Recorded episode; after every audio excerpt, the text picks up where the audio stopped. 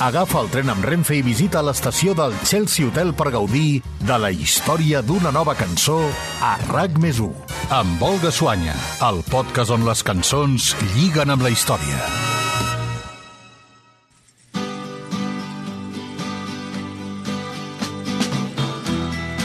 If you're going to San Francisco,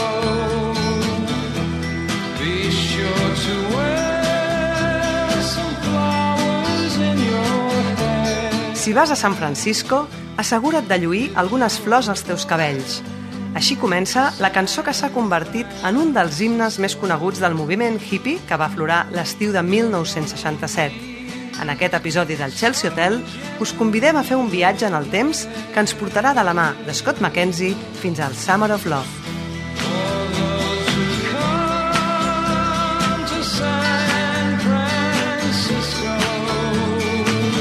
En un moment en què es vivien els dies més crus de la guerra del Vietnam, les protestes de joves americans contra la participació dels Estats Units en aquell conflicte es feien cada cop més intenses. El pacifisme i les proclames contra la violència arrelaven entre els fills d'una generació que reivindicava una nova forma de viure i que feia seu el lema «Fes l'amor i no la guerra».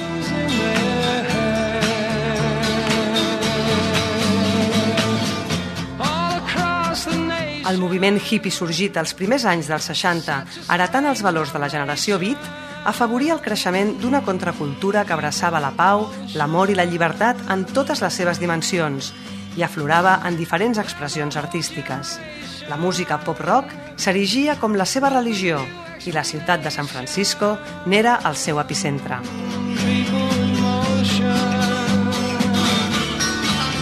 L'estètica de cabells llargs, pantalons acampanats, motius florals i colors psicodèlics atreia joves d'arreu del país al barri de Hyde Ashbury d'aquesta ciutat californiana. I anaven a la recerca d'un estil de vida alternatiu, de més llibertat personal i d'harmonia col·lectiva. I l'estiu de 1967, totes aquestes concentracions van eclosionar en el que ha passat a la història com l'estiu de l'amor, l'espurna del qual la va encendre al Festival Internacional de Música Pop de Monterrey. For three days in June 1967, the Monterey Pop Festival showcased groundbreaking musicians, heralded a new age of acid tripping splendor, and inspired a cultural revolution. Efectivament, del 16 al 18 de juny de 1967, la ciutat californiana de Monterrey va acollir el primer gran festival musical a l'aire lliure de la història. Va reunir més de 50.000 persones i es considera el precursor del macroconcert que dos anys més tard se celebraria a Woodstock. Here you're gonna do. And I want to love you. I want to love you for so. Musicalment, és recordat per ser l'escenari de les primeres grans aparicions d'artistes com Janis Joplin, The Who o Jimi Hendrix, que va acabar genollat cremant la seva guitarra en una de les imatges que s'ha convertit en tota una icona d'aquests tres dies de concerts.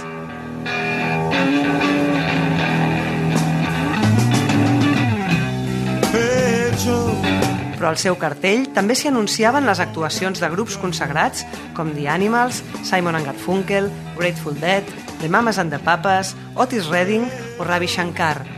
Tots ells, menys aquest últim, van tocar gratuïtament i la recaptació de les entrades va ser donada a projectes de caritat.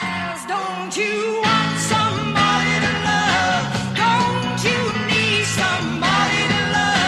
Musicalment, la de Monterrey va ser una convocatòria sense precedents. Mai abans s'havia organitzat un esdeveniment semblant. L'èxit de les concentracions culturals, organitzades durant els primers mesos de l'any, i l'excepcionalitat del cartell que s'estava preparant pel festival feia preveure una assistència massiva de gent vinguda d'arreu del país durant aquell mes de juny. I aquest era un tema que preocupava les autoritats que no veien clar que la infraestructura local fos capaç de gestionar l'arribada de tants visitants sense afectar la vida quotidiana dels ciutadans.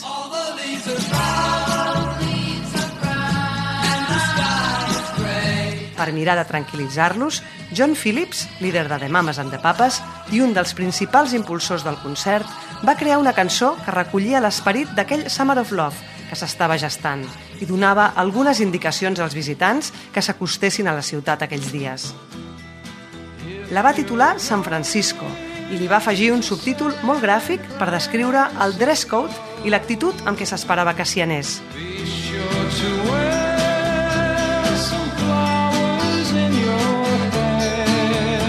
Papa John, que és com també es coneixia Phillips, va ser qui va escriure la cançó, però va decidir que qui hi posés veu fos el seu amic Scott McKenzie, un músic que mai havia entrat a un estudi de gravació, però que gràcies a l'èxit que va tenir amb aquest tema va passar a ser el gran gurú del Flower Power.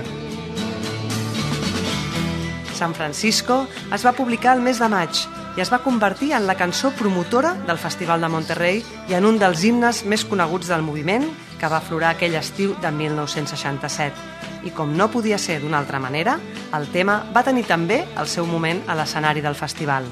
Scott McKenzie la va tocar com a cluenda de l'esdeveniment, posant fi així a tres dies de música inoblidables. Va ser el seu moment de glòria, ja que San Francisco va ser l'únic èxit que aquest músic de Florida va tenir durant la seva carrera. Un èxit tan intens i efímer com ho són els amors d'estiu. Això sí, d'un estiu molt especial, l'estiu de l'amor.